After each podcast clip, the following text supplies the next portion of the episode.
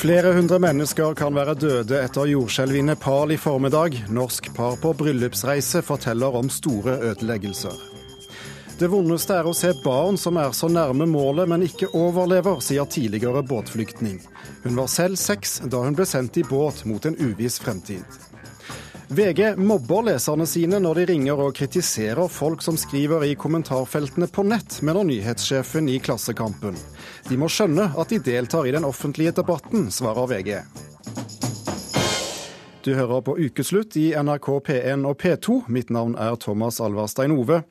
Vi skal snart snakke med statsminister Erna Solberg fra Høyres landsmøte, men først en nyhetsoppdatering med Ingvild Ryssdal.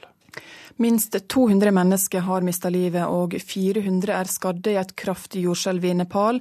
Det sier en talsmann for Innenriksdepartementet i landet. Skjelvet hadde en styrke på 7,9. Mange hus har rast sammen, og det venter at dødstallet kommer til å stige. Media i Nepal melder bl.a. at 50 personer er fanga i ruinene av en ni etasjer høyt tårn som har kollapsa. Det er flere nordmenn i Nepal, og Utenriksdepartementet jobber nå med å få oversikt over dem.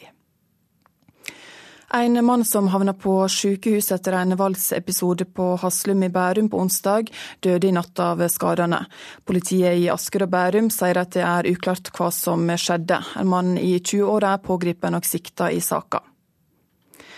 Italiensk politi har avdekket at minst én av lederne for et nettverk av menneskesmuglere i Libya har hatt kontakter i Norge. Det skriver VG. Norsk politi har blitt varsla om den italienske etterforskninga. Det stadfester Kripos overfor avisa. Et passasjerfly fra Turkish Airlines måtte nødlande på flyplassen i Istanbul i dag, etter at den ene motoren begynte å brenne. Flyet, en Airbus, Airbus A320 med 97 passasjerer om bord, kom fra Milano. Ingen ble skadde, og brannen ble raskt sløkt, opplyste en talsmann for flyselskapet. Nå holder ukeslutt fram med mer om jordskjelvet i Nepal.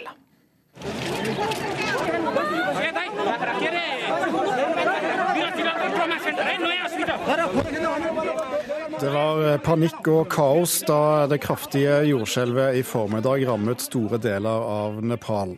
Minst 114 mennesker eh, er altså omkommet, men en nepalsk diplomat sier til nyhetsbyrået AFP at det trolig er flere hundre døde. Truls Vinju Lindahl, du er på bryllupsreise i hovedstaden eh, Katmandu akkurat nå. Hvordan opplevde du dette kraftige jordskjelvet?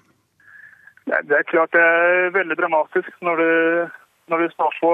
Uh, i begynnelsen vi skjønte ikke helt hva som uh, skjedde. og Folk begynte å skrike, og man så uh, bilen begynte å gå sidelengs og hus som ramla ned foran og bak oss. Så, så det, det, opplevdes veldig dramatisk når vi sto på. Det gjorde det.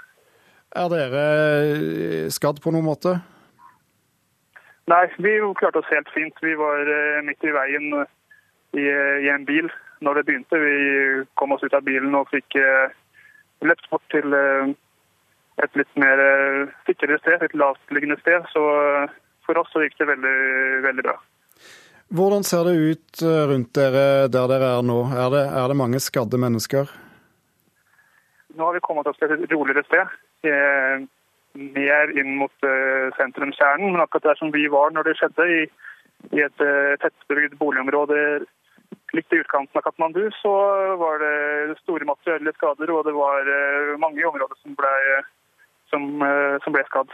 Det ble det. Vi så flere som, som lå på gatene. De ble etter hvert samla til et lite provisorisk sykehus bare midt i gata, der det ble samla både omkomne og, og skadde. Dette er jo ikke noe man regner med å oppleve på bryllupsreisen. Hva skal dere gjøre nå? Nei, det, vi har ikke helt bestemt oss. Altså, akkurat nå så er det jo nærliggende at man tenker at man har lyst til å reise hjem. Vi får se om det er noe vi kan gjøre her. Men akkurat nå så, så, så, er det jo ganske rolig. Men det er klart det er jo stor kontrast i forhold til det man har opplevd. Nå var det her på vårt altså slutten på vårt opphold her i Nepal. Så ja, det blir sterke kontraster. Så vi har ikke helt fått summa oss og tatt noen avgjørelse ennå på hva vi gjør. Truls Vinju Lindahl, tusen takk for at du var med oss på telefon fra Nepal.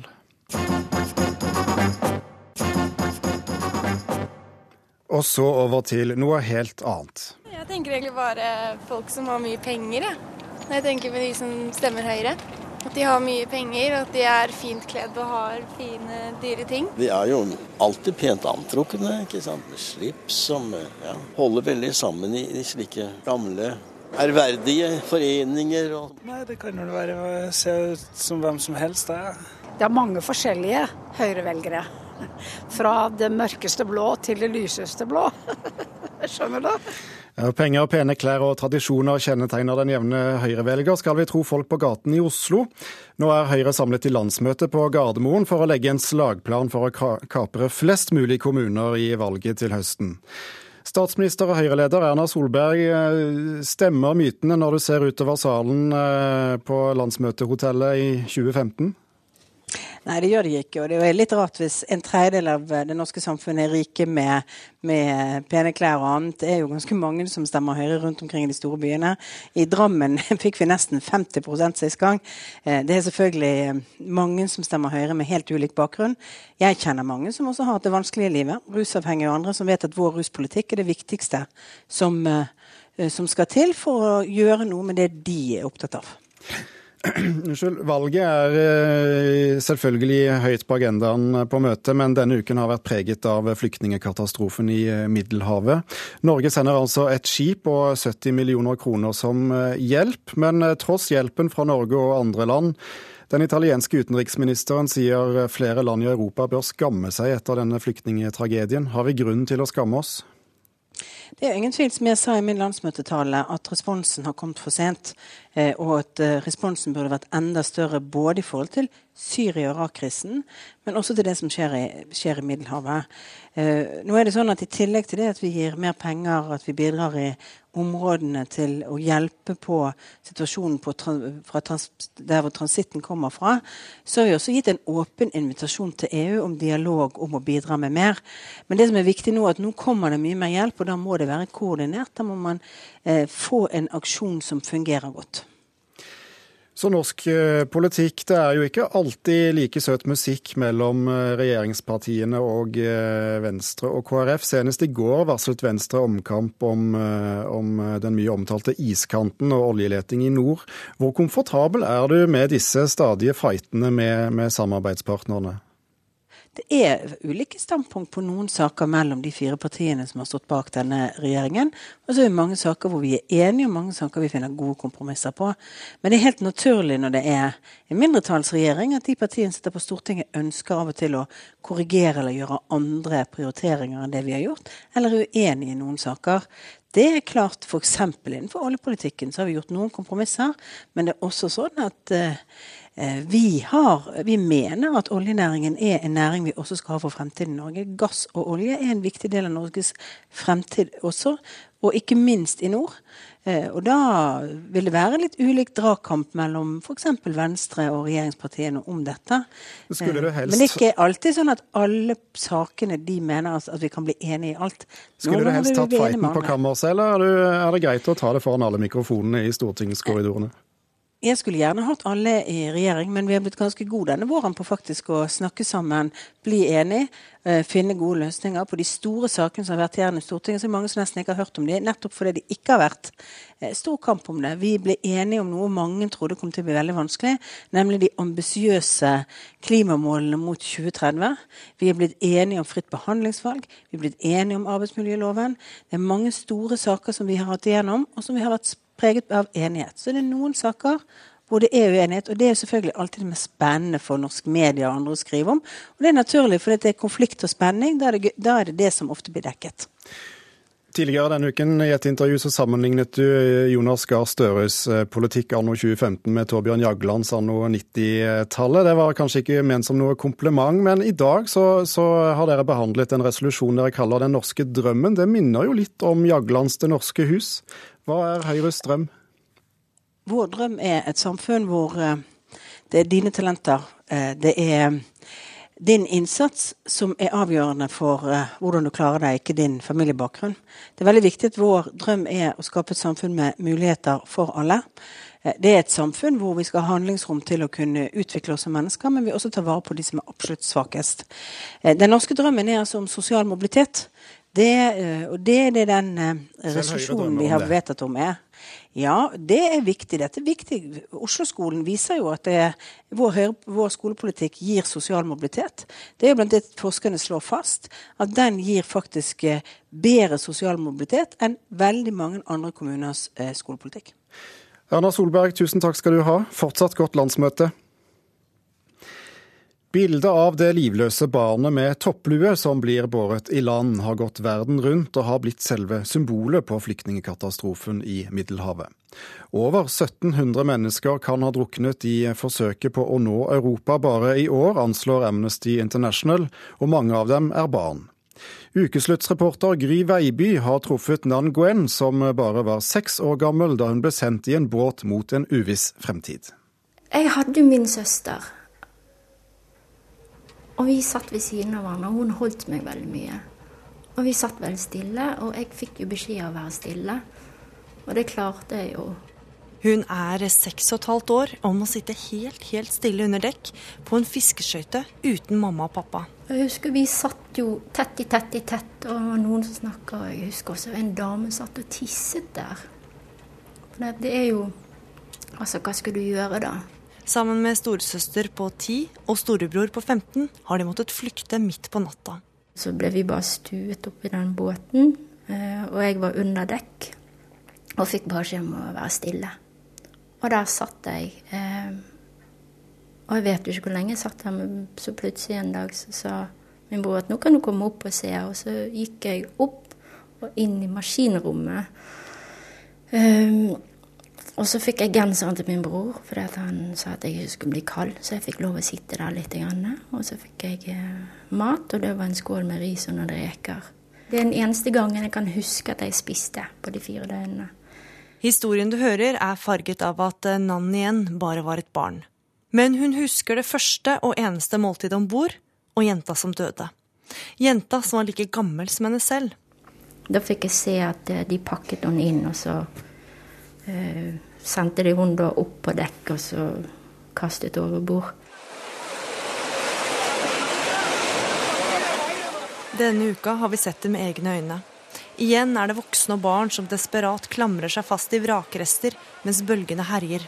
På land ligger sjokkerte turister og soler seg.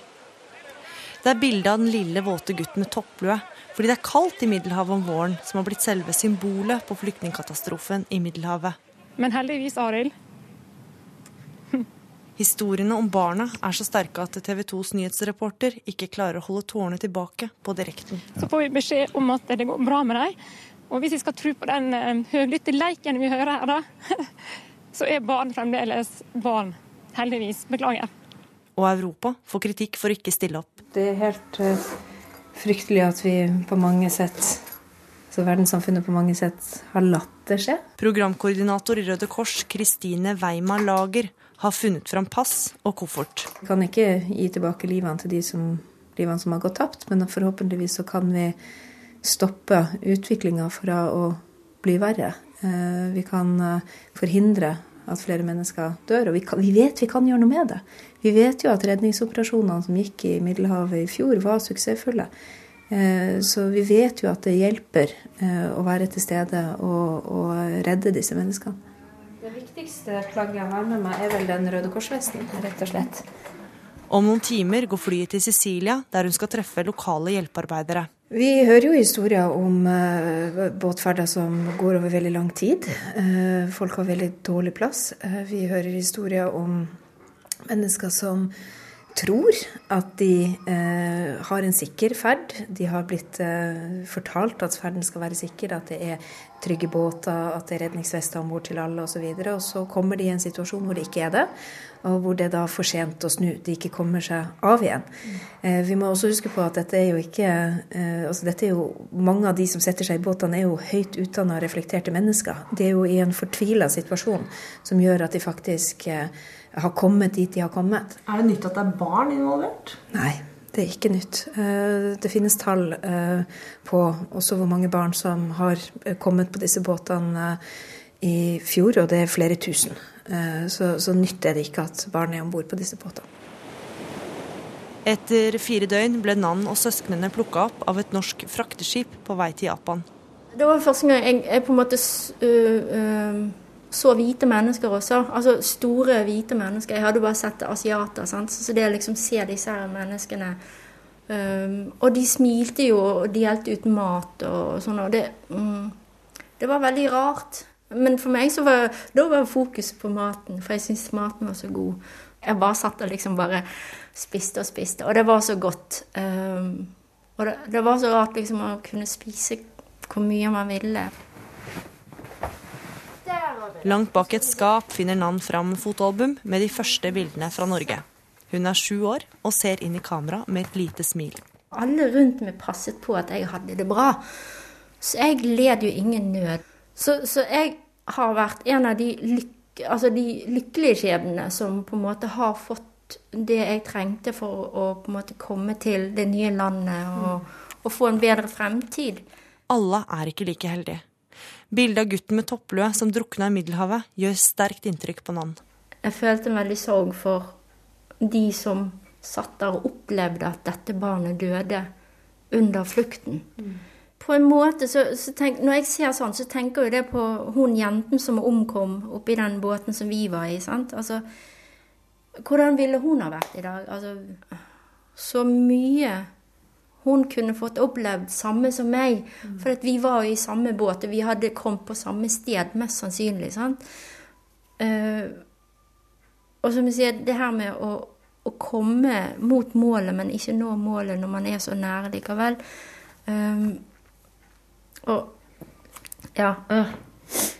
Nei. jeg Jeg bare unner spesielt barna, å kunne få oppleve trygghet. Flyktningekatastrofen i Middelhavet engasjerer i kommentarfeltene på norske nettaviser.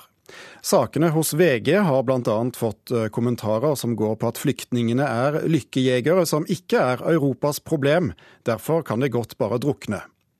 I en sending på VGTV ringte programleder Mats Andersen for å konfrontere flere av kommentatorene med meningene deres.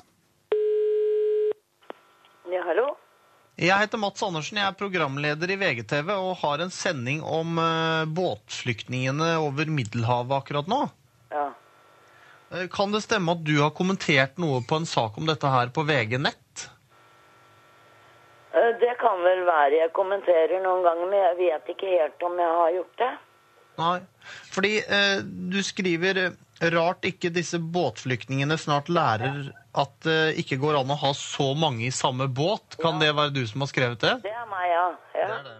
Men, men dette, altså, dette, er folk som kommer fra, fra krig og nød, sult, ja. voldtekt, overgrep osv. Og, og, og de prøver da å komme seg i en trygg havn, bokstavelig talt. Ja. Og så hender det det går galt. Og du er bekymra for at det er lik i, i badevannet ditt? Ja, faktisk. Jeg forstår. Vi har alle våre bekymringer. Tusen takk for praten. Ja. Torry Pedersen, sjefredaktør i VG. Hvorfor gjorde dere dette? Fordi at det som skjer i Middelhavet er den eh, mest eh, aktuelle politiske problemstillingen vi står overfor akkurat nå. Eh, og så var det da personer som under fullt navn hadde kommentert dette på VG.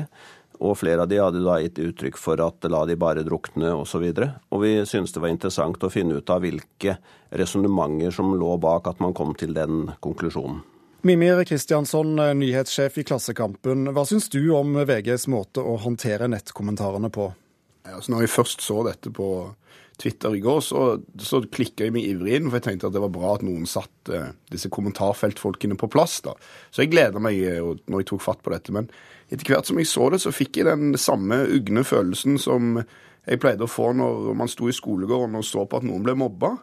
Uh, dette er ganske tilfeldige mennesker som har skrevet i et ganske uh, lavterskel fora, som en typisk nettavisdebatt er, og som ikke har på noen måte bedt om eller ønska å bli tatt inn i denne delen av den offentlige samtalen som VG nå har tatt inn i. Og så ringer man de opp på direkten og går mer eller mindre sarkastisk til verks, og i mine øyne så ender det opp med eh, og bli ganske stygt og bli ganske på en måte stigmatiserende. Sånn at selv om jeg forstår tankegangen bak og, og ønsket bak det, så føler jeg her at VG, da, som har en tradisjon om å være den lille manns forsvarer i møte med den store makta, i stedet svikter den tradisjonen og blir på en eller annen måte en veldig mektig medieaktør som gjør narr av den lille mannen og den lille kvinnen som er i kommentarfeltet og rett og slett bare dummer seg ut. Det ser du at det kan oppleves som dere har snudd eh, på oppdraget deres her? Hvis det er noen som er den lille mann eller kvinne i denne saken, så vil jeg tro at flyktningene er de som virkelig er det. Dette er personer, eh, godt voksne, høyt utdannet, som skriver eh, dette i Men de er tross alt vanlige folk, såkalt. Hvilke vurderinger har dere gjort rundt det? Jeg mener jo at eh, det er på sin plass å ta vanlige folk på alvor. Eh, det er ikke ukjent at det er veldig mange som leser VG-nett. Det er kjent for de fleste at det er Norges mest leste nettsted. Og man vet når man skriver der at eh, det blir lest av veldig mange. Eh, og når man da gjør det under fullt navn, så formoder jeg at man har tenkt gjennom de synspunktene man gir uttrykk for. Mange som skriver i disse kommentarfeltene, har vel et ønske om en, en form for innflytelse i offentligheten? Det er jeg veldig usikker på. Jeg tror mange har et ønske ofte om å, å være med i debatten og lufte trykket. og Ikke et ønske nødvendigvis om å havne på VGTV. Jeg synes det er litt naivt av Torry Pedersen å, å, formode at disse menneskene forventer at dette skulle skje. For det første fordi at de er helt sjokka når de blir ringt. Eh, og for det andre fordi at selv om det som står på internett i teorien er offentlig, så er det en annen type offentlig ytring enn den meg og Torry sitter her og har nå i denne debatten. Akkurat som hvis vi skulle gått på pub etterpå, så ville vi ordlagt oss på en helt annen måte. Og hvis vi skulle hatt en debatt på Twitter etterpå, ville vi ordlagt oss på kanskje på en annen måte. Og hvis vi skulle vært inne i et VG-kommentarfelt, ville vi ordlagt oss på en tredje måte igjen. Sånn at man må i alle fall være forsiktig med å plukke folk ut av denne typen settinger, og ta de inn i andre settinger der nå altså ganske tilfeldige mennesker blir utsatt for eh, i mine øyne et veldig sånn sarkastisk og ubehagelig sånn revolverjournalistikk. På, på VGTV så blir, eh, blir disse konfrontert med, med, meninger og påstander. Programlederen kaller kommentarene idiotiske. Eh, hvordan behandlet dere kommentarene når de først sto på trykk? På søndag så var det jo sånn at de som var der da, stengte det kommentarfeltet fordi at eh, det var mye Men det er likevel verdt å ringe de opp igjen på torsdag og, og gjengi disse kommentarene på TV? Ja, jeg mener jo da at det er viktig å få eksponert de holdningene som forefinnes eh, rundt denne problemstillingen. Det er vel et poeng Mimir Ja, I utgangspunktet er ikke mitt problem det. Mitt problem er at de man da går etter, og de man da driter ut, det er mennesker som i utgangspunktet har en veldig svak posisjon i den offentlige debatten. Og jeg syns det er noe ekkelt og veldig selvgodt over veldig mange av folk, type folk som meg og deg, da, som er sånne mediesynsere som sitter på Twitter og på Facebook nå og godter oss over hvor dumme folk går det an å være så dum, liksom. Og dette er en eller annen slags øvelse som bare kiler den sjølfornøyde holdningen om at disse menneskene som er i kommentarfeltene, de er idioter på et eller annet vis. da. Men, og men, Man må gjerne ta dem på alvor, men jeg mener at det i utgangspunktet ikke er det som foregår her. Altså, Jeg mener at det er den teknikken man her bruker ved å gripe tak i én kommentar som er skrevet under fullstendig andre forutsetninger, dra det inn, ringe på direkten sånn som de gjør, og prøve å liksom kjøre folk fast på det, som jeg mener er det som foregår her i veldig stor grad, det mener jeg ikke er fullt og helt å prøve å ta disse holdningene på alvor. Det tror jeg dessverre er et stunt i en eller annen forstand for å skape oppmerksomhet blest rundt produktet VG. Er det noe dere skulle ha gjort annerledes her? Nei, altså Jeg mener jo at det er uh, forsvarlig det vi gjorde. Men det er jo alltid eh, bra at uh, kontroversiell journalistikk skaper debatt. Det er derfor vi sitter her. Så det er jo bare bra. Det er jo, det er jo hele mitt poeng. At vi må bryne oppfatninger i offentligheten. Jeg har aldri karakterisert disse meningene på noen annen måte enn at jeg syns de er inhumane. Jeg mener at flyktningkatastrofen er en stor problemstilling som er kompleks. Men det må være mulig å være enige om at vi ikke skal la folk drukne. Hvordan skulle man ha eh, konfrontert slike meninger på en god måte uten å, å velge VGs variant? Nei, men Jeg syns man burde gjort det i de kommentarfeltene. Jeg mener at Når man har skapt et sånt kommentarfelt som VG og andre aviser har, så mener jeg at man må gå inn der og ta den kampen med de som er der, på de premissene de har, i stedet for å plukke ut noen sånne tilfeldige folk og la de være um, scapegoats eller syndebukker for hele gjengen som er der inne. Ja, altså Det er jo en eh, valid argumentasjon. Det å være til stede der er eh, vesentlig. Men i dette tilfellet så var det jo da å gi de anledning til å utdype resonnementene. Denne kvinnen som vi Men det er vel naturlig å konfrontere de allerede når påstandene kommer? Jo, men én ting er jo å Husk på at kommentarfelt er kommentarer. Det å stille spørsmål er noe annet, det er journalistikk. Vi må skille mellom opinion og det å drive journalistisk virksomhet.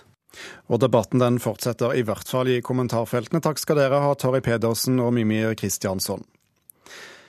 Det kommer akkurat nå melding om at et snøskred har rammet en basecamp ved Mount Everest. Åtte personer skal være døde. Raset ble utløst av jordskjelvet som rammet store deler av Nepal i formiddag. Minst 449 mennesker er nå omkommet eh, etter skjelvet, det opplyser nepalsk politi. Flere hundre er trolig skadd. Mange hus har rast sammen, og dødstallet vil trolig fortsatt stige. Det er flere nordmenn i området. Utenriksdepartementet jobber med å få oversikt over de. Du hører på Ukeslutt i NRK P1 og P2. Bli med oss videre og hør at Bjørnar Moxnes i Rødt mener det er feil å bruke kommunens penger på bursdagsfest for ordføreren og varaordføreren. Du får selv cava og gratis middag på møter og mottakelser, svarer Høyre. Og vi har kjørt bilen som irriterer alle som stamper i kø, Teslaen må jo si at det er litt gøy å kunne stå på rødt lys og så akselerere fra en sportsbil, en Ferrari eller Porsche.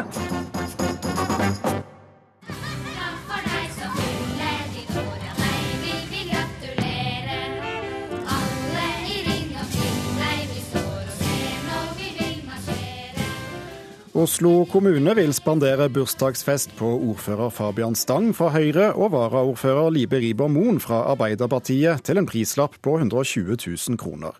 De to fyller henholdsvis 60 og 50 år i august, med bare noen dagers mellomrom. Det bør feires med en fest på rådhuset og 350 inviterte gjester, mener kommunens forretningsutvalg. Bjørnar Moxnes, leder i Rødt og representant i Oslo bystyre. Dette skulle vel bli en flott fest? Bursdag er veldig bra og ofte morsomt, eh, men det er jo ganske få av oss da som får påspandert en bursdag til over 100 000 kroner, og ikke minst betalt av folk som ikke har blitt spurt om de vil betale, og som heller ikke er invitert, nemlig Oslos eh, innbyggere. Så jeg har, jeg har blitt eh, ringt jeg, av mange som har fått med seg nyheten denne uka her, og som har reagert på det. Flere som jobber i Oslo kommune, og de har fortalt meg at hvis du har jobba i Oslo i 25 år, ja da får du en, en glassvase. Og det er fint. Jobber du 40 år i kommunen, da får du Diane på rådhuset hilse på Fabian Stang. Og det er også stas. Men når vi sammenligner behandlinga av egne ansatte i Oslo kommune med eh, den pomp og prakt som eh, byens topper får, så er det nok forståelig at en del reagerer på at de skal betale for bursdagsfesten til eh, Libe Ribmoen og Fabian Stang. Øystein Sundelin, gruppeleder for Høyres bystyregruppe. Bursdagsfest er jo fint, men 120 000 kroner, hvordan kan det koste så mye å ha en, eh, en fest på rådhuset? Ja, jeg har lyst til å si først at Den bekymringen Moxnes her har for skattebetalernes penger, den håper jeg vi kan eh, komme og diskutere langt oftere. Også ikke bare når det er snakk om en bursdagsfest til 120 000 kroner, men eh, langt flere større saker som eh, er viktig for skattebetalerne å høre diskusjoner og debatter blant politikerne om. Det er slik at eh, Fabian Stang og Liber Iber Moen er byens to fremste folkevalgte. Og eh, fyller, som det ble sagt innledningsvis, 60 og 50 år innenfor samme uke i august. Og jeg synes det er naturlig at det markeres på rådhuset. Og da er det 000 kroner. Da er det slik at uh, når det inviteres til mottagelser på rådhuset, så er det en ganske lang gjesteliste som er uh, satt av det, la oss kalle det det offisielle Oslo. En del fra media. Og i dette tilfellet så skal da også jubilantene få lov til å ha inn noen egne gjester, men der er tallet 30-40 stykker som de skal få lov til å invitere fra sin private omgangskrets. Så eh, mottagelser, det koster noe, og det har vi satt av penger til eh, i budsjettene. Og jeg kan heller ikke huske at Moxnes, da vi diskuterte budsjettet på dette, hadde forslag om å kutte mottagelsesbudsjettet på rådhuset. Det blir hevdet i sakspapirene at det er vanlig å feire kommunens politiske ledere på denne måten. Eh, Moxnes, hvordan ble din partifelle og bystyreveteran Erling Folkvår feiret da han fylte 60? Eh, da, da, fikk Erling eh, tre bøker om Munch fra Oslo bystyre, eh, som han da ga videre til Klassekampens julemesse. Det var en hyggelig gave å få, og det var helt, helt kurant. Og han har jo for så vidt sittet mye lenger og tjent Oslo kommune mye lenger som folkevalgt enn både Librimoen og Fabian Stang til sammen, så det var en helt grei og hyggelig liten påskjønnelse. Nå er jo ikke summen isolert sett veldig stor i forhold til Oslos totale budsjett. Det tror jeg alle som kjenner budsjettet skjønner veldig godt. Rundt 50 milliarder? Ja, ikke sant. Så det er ikke det som er spørsmålet her. Men det som jeg tror mange nok reagerer på, det er at det er ikke den samme graden av skal si, raushet og, og påskjønnelse for de som tar de tyngste løftene i Oslo kommune. De som jobber i hjemmetjenesten, de som jobber på aldershjemmene våre, i skolen, i barnehagene. Eh, de får god jul på lønnsslippen i desember, og så får de altså en vase når de har runda 25 år i kommunens tjeneste, ofte som lavtlønte, eh, og dessverre også ofte i deltidsstillinger. Og når du sammenligner behandling av Oslos egne ansatte med eh, behandlinga av toppene, så er det en, en, tydelig kontrast. Husk at både Libe og Fabian har jo de har til salt i grøten. altså Fabian Stang får vel omkring 1,5 millioner kroner i lønn eh, hvert eneste år av Oslo kommune. Så han lider ingen nød, mens det er veldig mange andre i Oslo som dessverre sliter på eh, lave stillingsbrøker og ikke får full stilling, selv om de gjerne skulle ønska det. Sundelin, kommuneøkonomien er jo alltid stram, og det er en årvis tradisjon å kutte i budsjettene. Hvor tar dere pengene fra? Altså, Hvis vi skal diskutere beløp som dette, så kan vi jo f.eks. problematisere at Bjørnar Moxnes eh, en gang i måneden, eller to ganger i måneden når vi har bystyremøter og komitémøter, forsyner seg da av gratis middag. Det er det heller ingen av de nevnte ansatte i kommunen som eh, får. Han forsyner seg av gratis kaffe under disse møtene, og det er det også et eh, fåtall av Oslo kommunes ansatte som, som kan få. Så man kan alltid sette ulike ting opp mot hverandre. Jeg mener at rådhuset skal være et åpent hus, og at vi skal ha en del mottagelser og fester i rådhuset. Det kan dreie seg om velforeninger som fyller år, idretts- og sportsklubber som fyller år, eh, eller andre markeringer eh, for organisasjoner, personer, næringsliv. Og når i dette tilfellet byens to fremste folkevalgte fyller 60 og 50 år, så synes jeg en markering er ganske selvfølgelig og ganske naturlig. Og så er det som jeg sa innledningsvis, når de da eh, når de inviteres til mottakelse på rådhuset, så er det ganske mange som automatisk får den invitasjonen. F.eks. Moxnes og meg selv som sitter i bystyret. Vi får en rekke slike invitasjoner i løpet av året, og kan drikke veldig mye cava og spise eh, fingermat på kommunens regning hvis vi eh, møter opp på flest mulig av disse mottakelsene. Kommer du på mottakelsen, mottagelsen, Moxnes? Dette er jo midt i valgkampen, så jeg tror nok jeg har bedre ting å gjøre akkurat da. Men det er jo tydelig at i denne saken her så er jo Arbeiderpartiet og Høyre skjønt enige. De ønsker eh, fest og moro på andres regning for sine egne toppfolk. Men jeg tror mange i Oslo og ellers syns det er litt urimelig. Det bør være mulig uh, å få til en heidundrende god 50-års- og 60-årsfeiring av Libe og Fabian uten at man nødvendigvis trenger å, å sende regninga for det til andre enn de som er med på festen. Og uten at jeg kjenner til det så er jeg helt sikker på at begge jubilantene kommer til å ha sine private fester og feire med sin familie og sine nære venner. Dette er en mottagelse som i langt større grad bærer preg av å være eh, offisiell, fordi det er byens to fremste folkevalgte. Eh, og da er det en ganske lang offisiell eh, mottagelsesliste av gjester til rådhuset. Men det er jo kjempemerkelig at vi skal ha en offisiell markering av at disse to personene har bursdag. Det er det som ikke helt eh, du klarer å forklare, syns jeg, Sundelin. At, at en bursdag skal uh, gjøre det nødvendig for kommunen å punge ut og ha mottakelse, det syns jeg er litt spesielt. Hadde det vært en påskjønnelse for lang og tro tjeneste i Oslo kommune, så kanskje kanskje mer forståelig, men det er altså snakk om at man fyller år. Ja, og Der, der hører jeg at vi er uenige. for Jeg synes en markering av eh, byens to fremste folkevalgte når de fyller runde år, er, eh, er helt uh, naturlig, og det syns jeg er helt greit. Og Så trodde jeg kanskje at det jeg og Moxnes diskuterte, var størrelsen og omfanget av det. Og Nå hører jeg at Moxnes ikke vil ha noen markering i det hele tatt. Det er i og for seg et helt greit standpunkt, men jeg synes uh, i og for seg blant alle kommunens ansatte. Når man runder år, så kan man ha ulike markeringer på arbeidsplassen. Og så, ja, på rådhuset, når man har en lang gjesteliste, så blir det i kroner og øre mer kostbart enn de fleste andre markeringer. Det ser jeg altså. Da ser jeg egentlig fram til å, å, å lese Høyres forslag i bystyret om at vi skal eh, påskjønne eh, ansatte som eh, runder både 50 og 60 år, at de skal få en solid fest på kommunens regning. Det ville vært i hvert fall en likebehandling når det kommer til de ansatte i Oslo kommune og toppfolka. Takk skal dere ha, Bjørnar Moxnes og Øystein Sundelin. Ukeslutt har vært i kontakt med jubilantene Fabian Stang og Libe Riiber Moen. De to har nå sammen sendt et brev til kommunens forretningsutvalg, der de skriver at de ønsker å takke nei til tilbudet om bursdagsfest, ettersom saken skaper så mye splid. Hva tenker du når du er ute og kjører og, og elbilene får kjøre i kollektivfeltet? Jeg syns det er dårlig gjort. Hvorfor det? Jo, hvorfor skal de slippe gratis når ikke vi kan? Hvordan oppleves det når de suser forbi? Ren skjerm misunnelse. Hvordan syns du de oppfører seg i trafikken da, elbilistene? Eh, de tar seg vel kanskje litt eh, til rette.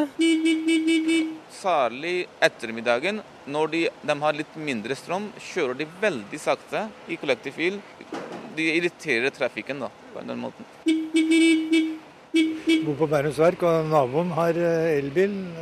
Sånn flat liten hvit en som jeg har glemt hva heter. Som han er stolt av. Men eh, han sier den kan gå veldig langt, da. Men eh, den kan ikke gå så langt som denne. Ja, Har du stampet i kø og irritert deg over en blankpusset Tesla som suser forbi i kollektivfeltet? Eller sittet i bussen og forbannet elbilen foran som sinker trafikken på dårlig batteri?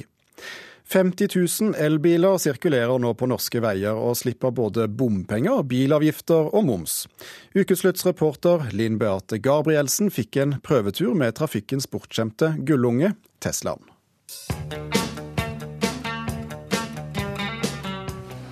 Nå skal jeg vise deg en av grunnene til at jeg elsker denne bilen. Jeg er spent.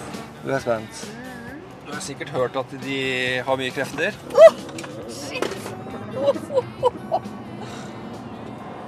Det var 420 hester i full sving eh, fra en børsteløs eh, elmotor. det var huet klistra til setet her, altså.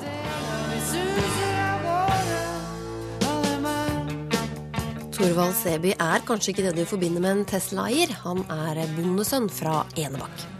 Og det var ikke først og fremst fordi at jeg skulle være miljøvennlig. Det var først og fremst fordi at denne bilen er så bra.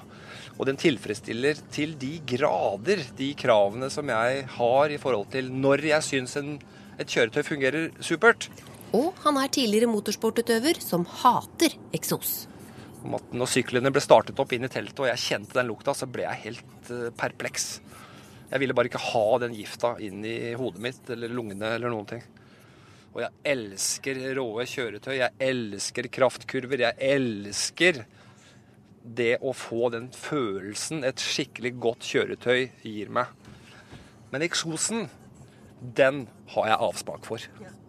På Facebook liker 13 000 personer gruppa for de som hater elbiler, eller eh, forvokste radiobiler, som de kaller det. Blant eh, haterne er andre sportsbileiere som blir provosert av Tesla-eiere som vil kappkjøre. Må jo si at Det er litt gøy å kunne stå på rødt lys med, med full bil eh, på vei til Trysil med skiboks på taket, og så akselerere fra en sportsbil, en Ferrari eller Porsche. Det er jo litt gøy, da. Hva slags bil er det? Det er en Porsche. Torvald legger seg parallelt med Porscha og ser rett inn i øya på sjåføren. Han smilte. Ja, han smilte. Nei da, jeg kjører jo ikke rundt heller og, og prøver å hisse på meg folk. Det går som regel av seg selv.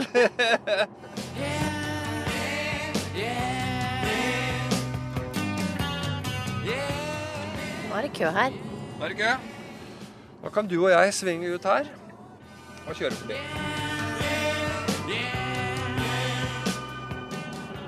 Får vi litt fordeler her, da. Nå kjører vi kollektiven eh, forbi eh, den ene etter den andre her. Og så han, nå ble han litt irritert. Så det? Ja. Hos noen så utløser det nok ganske kraftig raseri. Det gjør det. Kanskje ikke så rart mange trafikanter blir mugne når så mange som 50 000 elbiler, inkludert luksuriøse Teslaer, kan rulle fritt inn i kollektivfeltet. Så mange faktisk at bussene har fått redusert farta med 20% i rushtida. Så opplever jeg noen ganger at uh, når det er min tur til å legge meg inn mellom bilene, så lokkes luka igjen noen ganger. Det er klart, Jeg forstår det at det lugger litt i rettferdighetsfølelsen når man står der uh, i stillestående kø, og kona har middagen klar, og alle kortisolpumpene går for fullt, og så kommer det da en Tesla skliende forbi som ikke har en hindring foran seg. Jeg har ingen problemer med å forstå det. For noen holder det ikke å hate på nettet. Se her. Og Det er en sånn type ripe som gjør at hele døra må lakkeres. da. Den var dyp. Ja. Hva var det som skjedde? Nei, Jeg tipper at det er en som har gått sånn som jeg gjør nå, med å bare gått imellom bilene og så hatt nøkkelen ut av, eller holdt den i hånda, eller, eller noe annen stump gjenstand, spiss gjenstand, og så lagd den ripa, da. Jeg blei litt småsur, men så tenkte jeg ja ja, hvis det kunne glede han, da, så, så får jo jeg ta den prisen, da. Siden jeg får så mye andre fordeler, så får jeg tåle litt ekstra.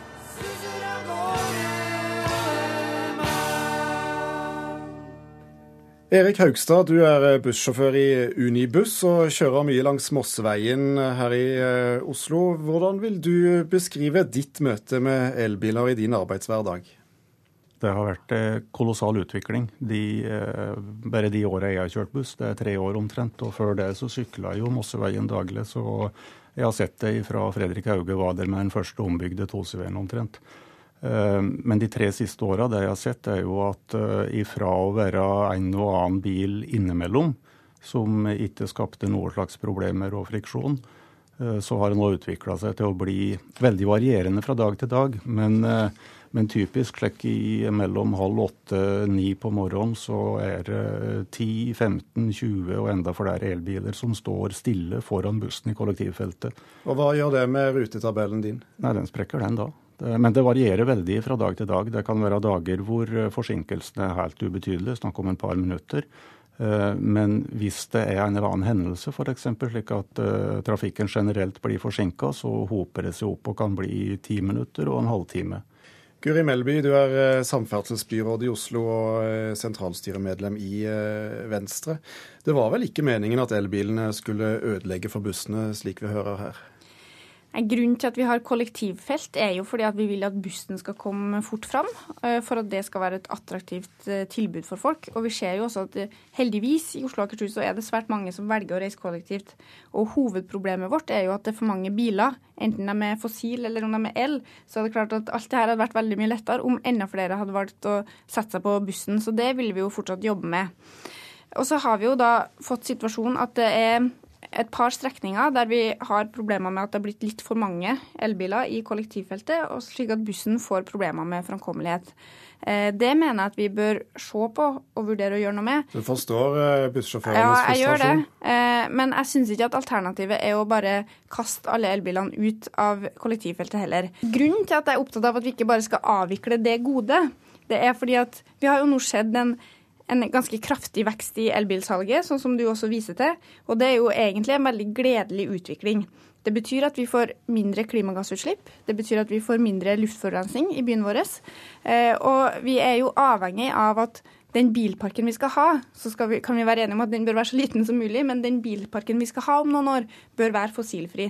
Så det å fortsette å stimulere folk til å kjøpe seg elbil, det er vi nødt til å gjøre. Eh, og jeg har sjøl elbil, og jeg vet at sjøl om det kan høres veldig kult ut å kjøre rundt i en Tesla, så er det for de fleste elbileiere fortsatt sånn at den bilen har flere ulemper enn fordeler, og vi er nødt til å bevare eh, så mange fordeler som mulig, så lenge som mulig. Tar du hensyn til bussen når du er ute og kjører?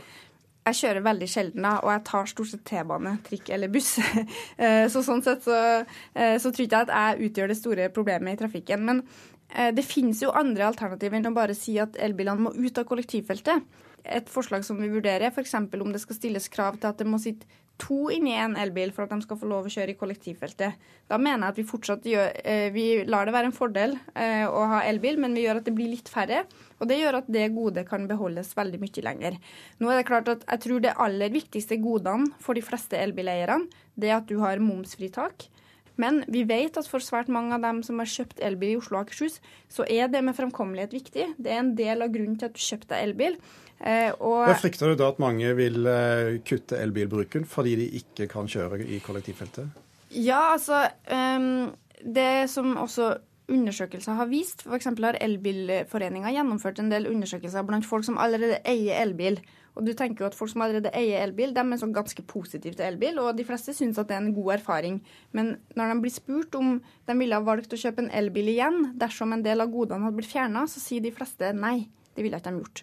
Så eh, jeg og vi i Venstre er veldig opptatt av at vi skal gjøre det så lukrativt som overhodet mulig, fordi at en elbil har en del begrensninger sammenligna med en bensinbil. Og I Oslo har vi satt oss ambisiøse mål. Vi har sagt at vi skal halvere klimagassutslipp innen 2030. Vi skal bli en nullutslippsby innen 2050.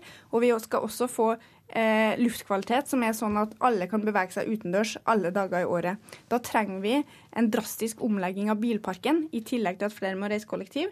Og da må vi stimulere så mange som mulig til å skifte ut bensin- og dieselbilen sin med en elbil. Men løsningen på dette er jo først og fremst å få folk til å reise kollektivt.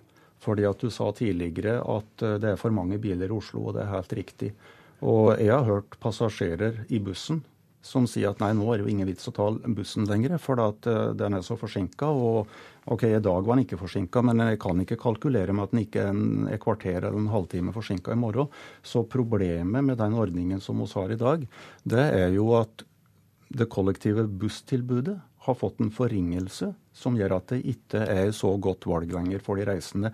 Og det må jo være et problem for uh, både miljø og politikere som vil vri ting i miljøvennlig retning. Så du ser ikke så lyst på fremtiden uh, for din uh, arbeidshverdag og passasjerene når du hører samferdselsbyråden her nå? Jo, min arbeidshverdag er kjempefint. Jeg har ingen problemer med å sitte i bussen og, og sige framover. Jeg får til med overtidsbetaling når det går for sakte. Så det, jeg har ingen andre problemer med det enn at jeg syns at det er litt kjedelig å levere for dårlig produkt til de reisende. For jeg ønsker jo selvfølgelig å levere best mulig produkt. Men jeg tror vi deler målet om å få en høyest mulig andel kollektivreisende. Og utviklinga går tross alt i riktig retning i Oslo. Eh, I løpet av de siste ti årene så har vi økt med en kollektivandel fra en 25 til en 35 eh, Og omtrent halvparten av alle motoriserte reiser, som vi kaller det, er med kollektiv. Eh, vi skal sikre kollektivframkommelighet, og den oppgaven tar jeg på alvor. og Jeg hører hva bussjåførene sier, og jeg hører også nå at Ruter har begynt å si det samme. Så vi skal ta det på alvor. Eh, men jeg mener at her finnes ikke noe enten-eller. Her finnes det mange mellomløsninger som jeg tror både elbileiere og bussjåfører, og ikke minst busspassasjerene, kan være godt fornøyd med. Er du litt beroliget nå? Jeg er jo enig i det meste, egentlig. Jeg er litt det, det, er bare, det er bare at jeg mener at eh, det må handles veldig fort når det gjelder dette her med framkommelighet i kollektivfelt. For at nå var det gjort tellinger i mars på E18 både øst og vest. På vestsida så er jo 90% av trafikken eh, i kollektivfeltet elbiler.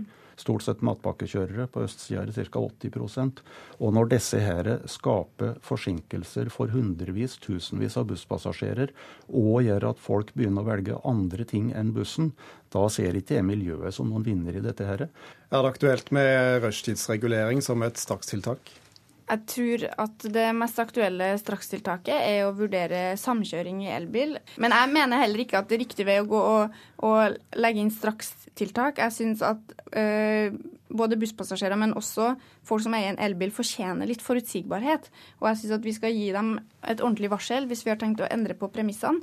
Eh, så min holdning må være at vi skal beholde så mange goder som mulig, men selvsagt så må bussen komme først. Én ting er sikkert, det er at utviklingen går fremover. Hvordan det ser ut der fremme, det får vi vente og se på. Takk skal dere ha, Guri Melby og Erik Haugstad. Ukeslutt er slutt. Fikk du ikke med deg hele sendingen, hør oss gjerne igjen på Alltid nyheter klokken fire, eller på nett og som podkast. Ansvarlige for sendingen var Pål Andersen og Kari Li, teknisk ansvarlig Eli Kyrkjebø, skript Dan Robin Midthun Nikolaisen, og her i studio Thomas Alvarstein Ove.